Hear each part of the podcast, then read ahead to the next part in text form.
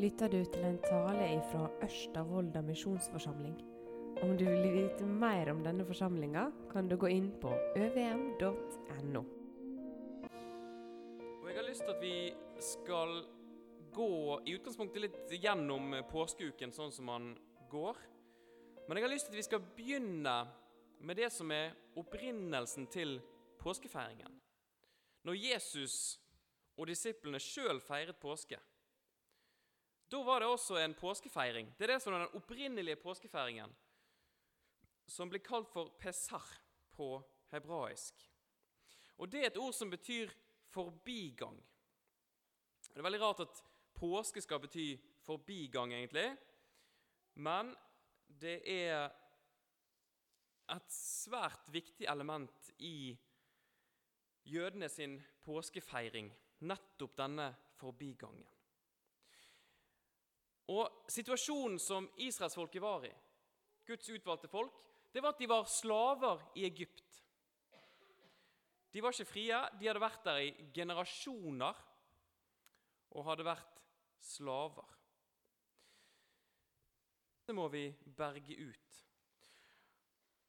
Og Da leser vi i andre Mosebok, kapittel 3, hvordan Guds respons er på folket sitt nødrop.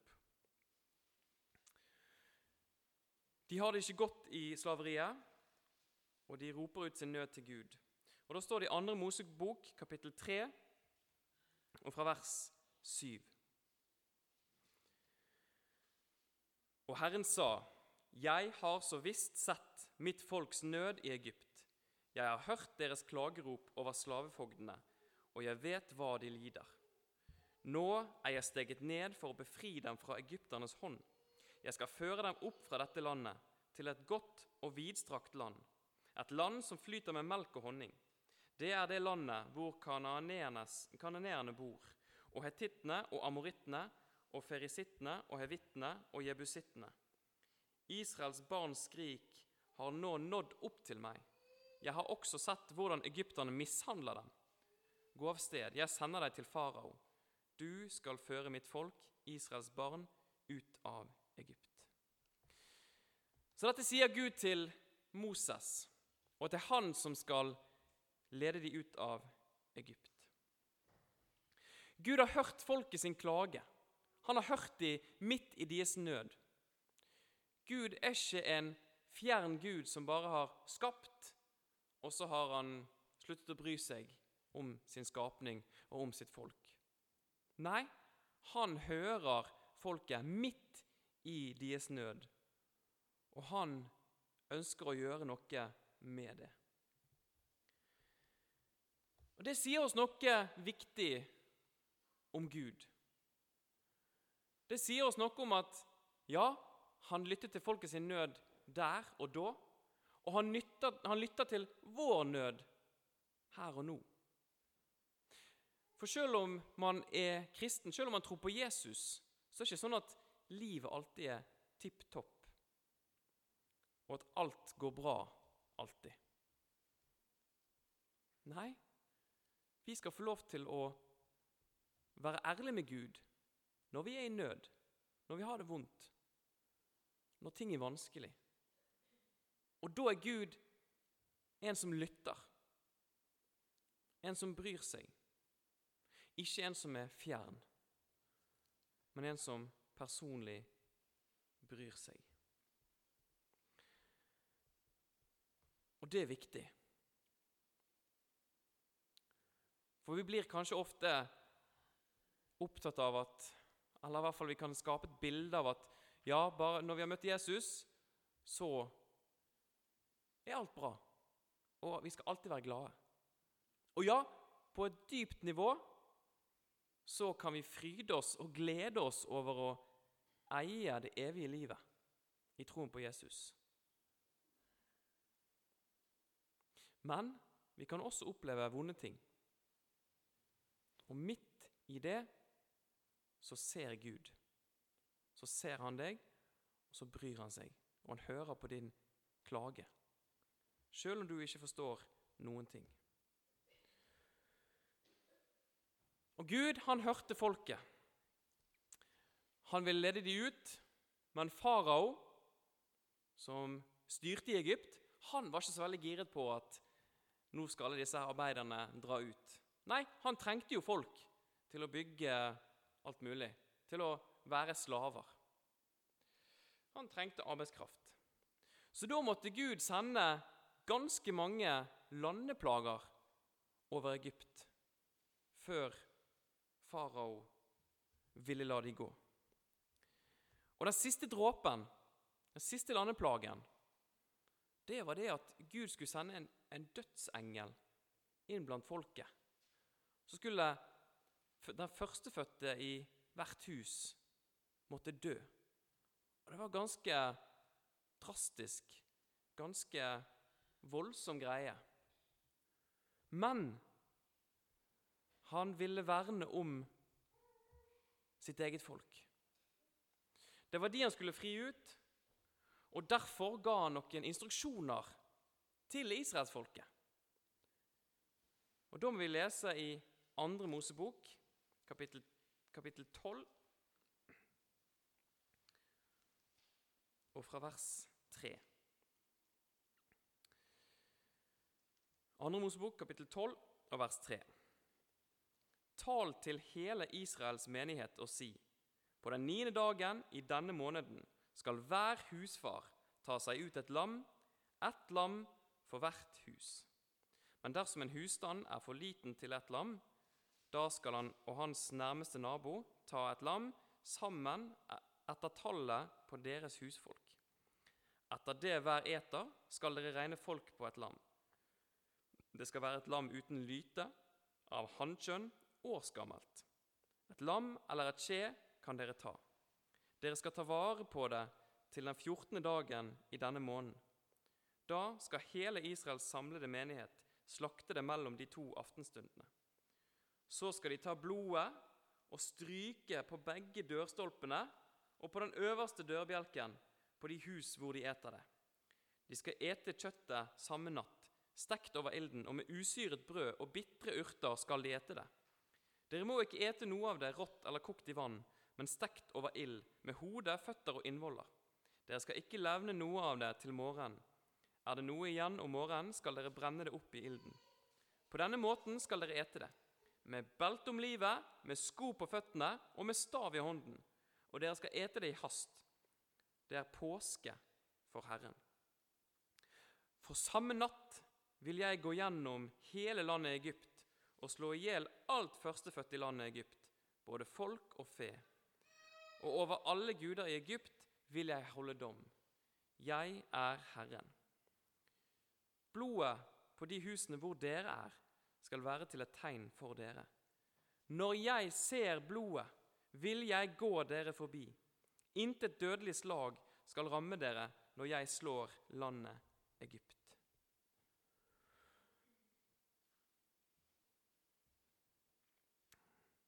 Så denne dødsengelen som skulle sende rundt, det var egentlig Guds faktisk rettferdige dom over menneskene. Det er faktisk Guds nåde som gjør at jeg og du i det hele tatt lever og puster. Det er Guds nåde som i det hele tatt gjør at vi kan få tro på Jesus og ha det evige livet. Og det var Guds nåde som ga disse instruksjonene til israelsfolket sånn at de kunne slippe unna, sånn at de kunne gå fri.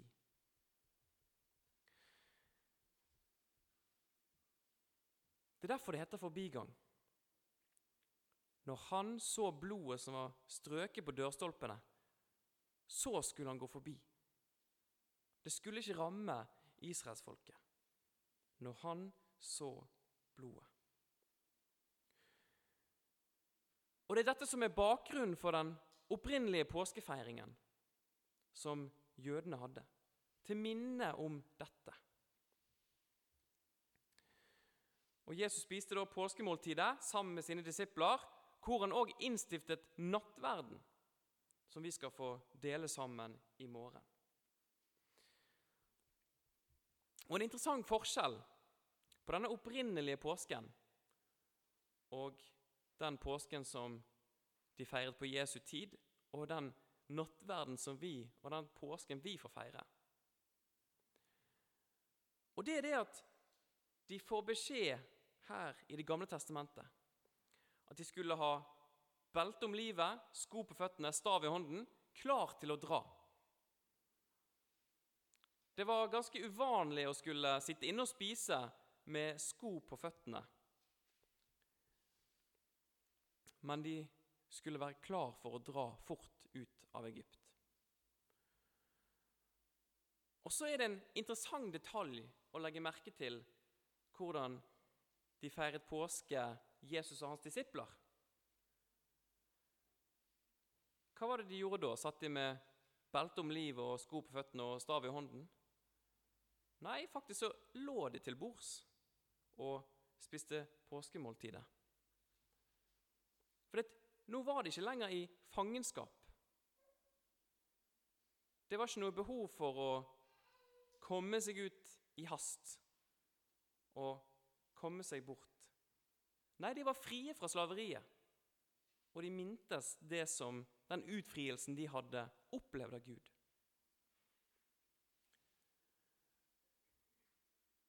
Og Kanskje kan vi tenke det samme om nattverden som vi feirer.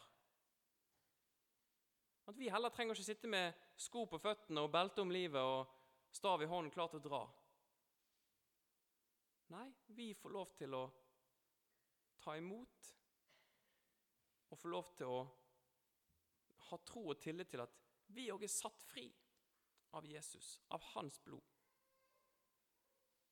Vi er ikke lenger slaver. Vi er ikke lenger slaver under synden. Nei, vi er satt fri av Han til et evig liv og til et liv sammen med Han.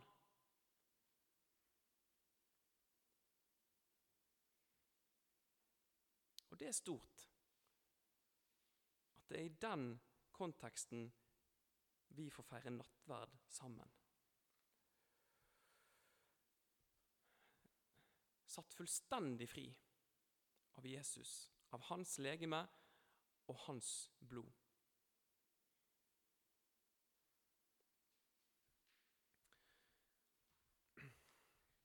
Og Dette påskelammet det skulle være et lam uten lyte. Uten noe som helst galt, uten noe sykdom. Som et tegn på at det er helt reint. Fordi at folket, sjøl israelsfolket, sjøl Guds eget folk De var ikke rein. De òg fortjente egentlig denne dommen, som vi alle mennesker gjør. Og Derfor måtte det et lyteløst lam til, fordi folket ikke var lyteløst. Og det ble ofret for dem. Og nettopp det bildet brukes direkte på Jesus.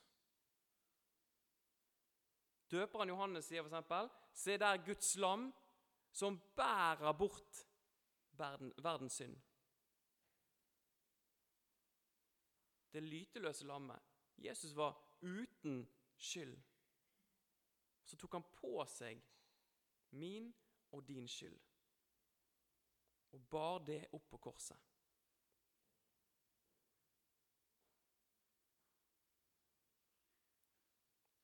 Han som ikke hadde gjort noe galt, gikk istedenfor meg og deg, som har gjort ganske mye mot Guds vilje, for å si det mildt. Det tror vi alle kan ærlig si. Og likevel ufortjent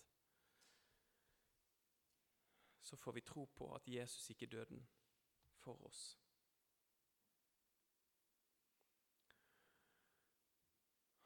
Og Når Gud da sier til israelsfolket Når jeg ser blodet, da skal jeg gå forbi. Da skal ikke noe ramme dere. Ja, da var det det som gjaldt. Da var det blodet som gjaldt. Og det står ikke noe om det i teksten. Men vi kan se for oss hvordan det måtte være i de ulike husene. Det var forskjellige typer mennesker og forskjellige typer familier. Og De kunne nok ha ganske ulike reaksjoner på dette budskapet. Kanskje var det et hus her borte hvor, eh, hvor de smurte på med stor frimodighet. Ja, yes, nå har Gud sagt at vi blir befridd. Helt topp. Vi bare smører dette blodet på her, og så vi, skal vi ut i morgen. Helt supert. Nydelig. Dette blir bra. Så kanskje var det noen eh, her borte som eh, tenkte når de smørte på Ja, ja Gud har jo sagt at vi skal smøre på blod her, og jeg er sikker på at det er nok. Jeg vet ikke.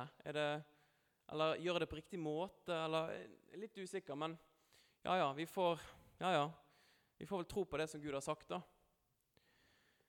Og så kanskje var det noen her borte som bare sitter i et hjørne av huset og er livredd fordi de har hørt at det skal komme en dødsengel.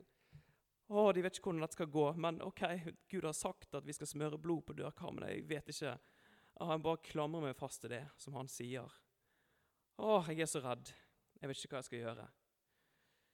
Åh, Kanskje noen kjente det sånn òg, midt i dette her. Ganske ulike opplevelser av dette budskapet. Ganske ulike reaksjoner. Men hvem av disse tre var det som fikk gå fri? Som fikk vandre ut av Egypt uten å bli rammet av dødsengelen? Jo, det var alle tre. For det var blodet som gjaldt. Det var blodet som gjaldt, ikke hvor mye hver enkelt familie trodde eller tvilte eller var redd. Nei, det var blodet som gjaldt. Og det at man hadde trodd Gud på at ja, når Gud har sagt det, så tror vi det gjelder. Sjøl om det kunne være ulike reaksjoner og ulike opplevelser av det.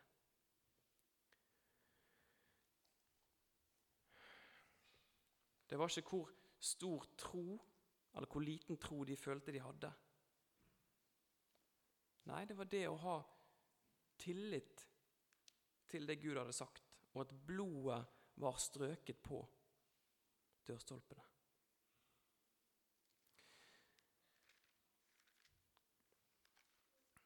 Og så var dette noe som Gud brukte der og da for å fri israelsfolket ut. Og som da blir et veldig tydelig frampek på Jesu blod. Men så ser vi også det at det var ikke dette dyreblodet eller alle disse ofringene som i seg sjøl ga folk renselse, egentlig. Vi skal lese noen vers i Hebreerne kapittel 10. For alt er et frampek på Jesus. Det var Jesus som måtte være det ultimate offeret. Disse ofringene i Det gamle testamentet det var egentlig frampek på Jesus. Da står det i Hebreerne kapittel 10, og først fra vers 1. For loven har bare en skygge av de goder som skulle komme, ikke tingenes virkelige skikkelse. Derfor kan ikke loven ved de ofrene som hvert år blir båret fram, gjøre dem fullkomne som kommer fram med dem. Ellers hadde de jo sluttet med å ofre. For de som ofret, ville da ikke lenger ha synder på samvittigheten etter at de én gang var blitt renset.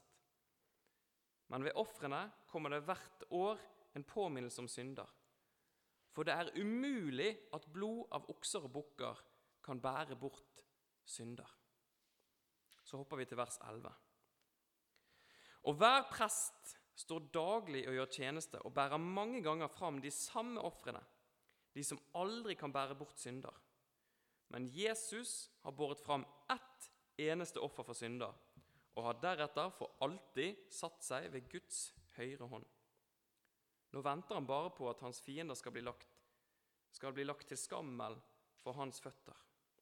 For med ett offer har han for alltid gjort dem fullkomne som blir helliget. Disse ofringene, disse stryking, strykingen av blod på dørkarmene, ja, det var egentlig bare frampek på Jesus. Ikke noe som reelt sett tok bort synder.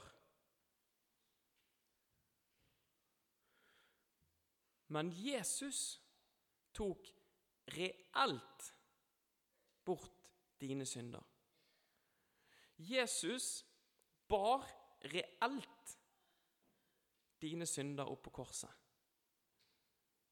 Det var ikke bare som et bilde eller på liksom. Nei, det var en faktisk, konkret hendelse.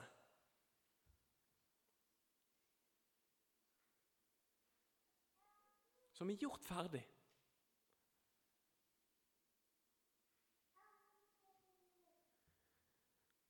Og vi har tillit til det. Tillit til at,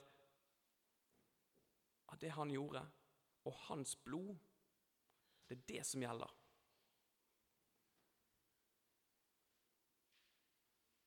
Sånn at i troen på Jesus så er du dekket av hans blod. Og når han ser blodet, når han ser Jesu blod over ditt liv, ja, så ser han ikke dine synder. Da går han forbi. Da rammer ikke den dommen som du egentlig hadde fortjent, den rammer ikke deg, for han rammet Jesus istedenfor.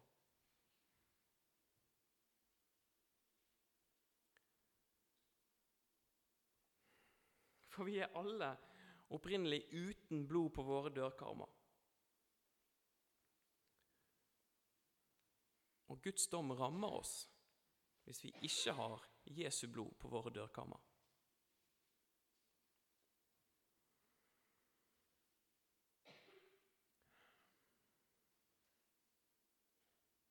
Har du Jesu blod på dine dørkammer?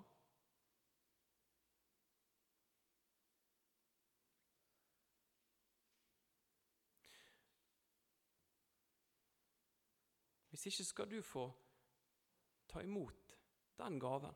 Så skal du få tro på Han. Så skal du få tillit til at Han har gjort ferdig et frelsesverk.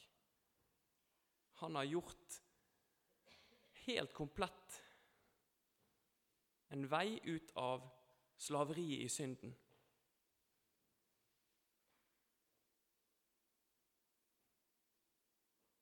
Han har gjort det ferdig.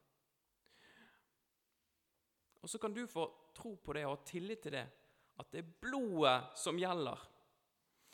Uansett hvordan du måtte føle deg, uansett om du kjenner på at du har kjempefrimodig og sterk tro, eller om du kan kjenne på tvil, eller om du kan være redd.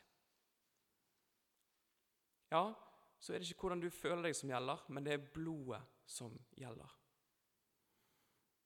Og det å få gi opp og stole på at jeg er helt avhengig av Jesus. Jeg trenger hans tilgivelse. Jeg trenger hans blod til alt.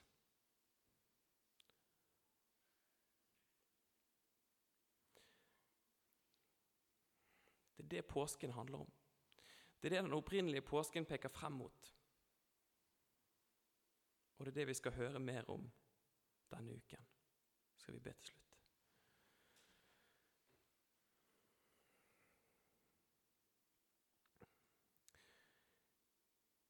Takk, Gud, for at du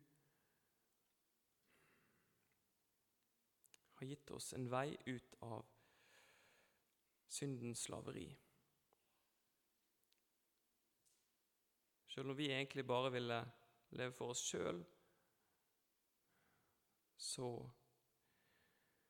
kom du med en redningsplan og fullførte den mye bedre enn vi kunne forestille oss. Må du hjelpe oss å tro på det og tillit til det,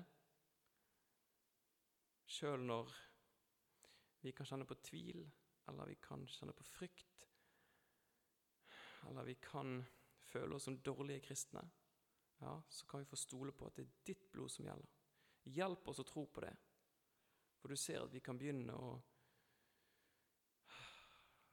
komme så i tvil. Men hjelp oss og åpenbar det stadig for oss at det virkelig holder, ditt blod. Det er det som gjelder. Takk for at du er en Gud som bryr deg, som ikke er fjern, men som også vil møte oss i vår nød.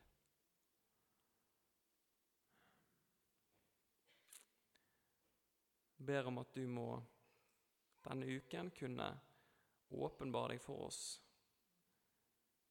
Ehm,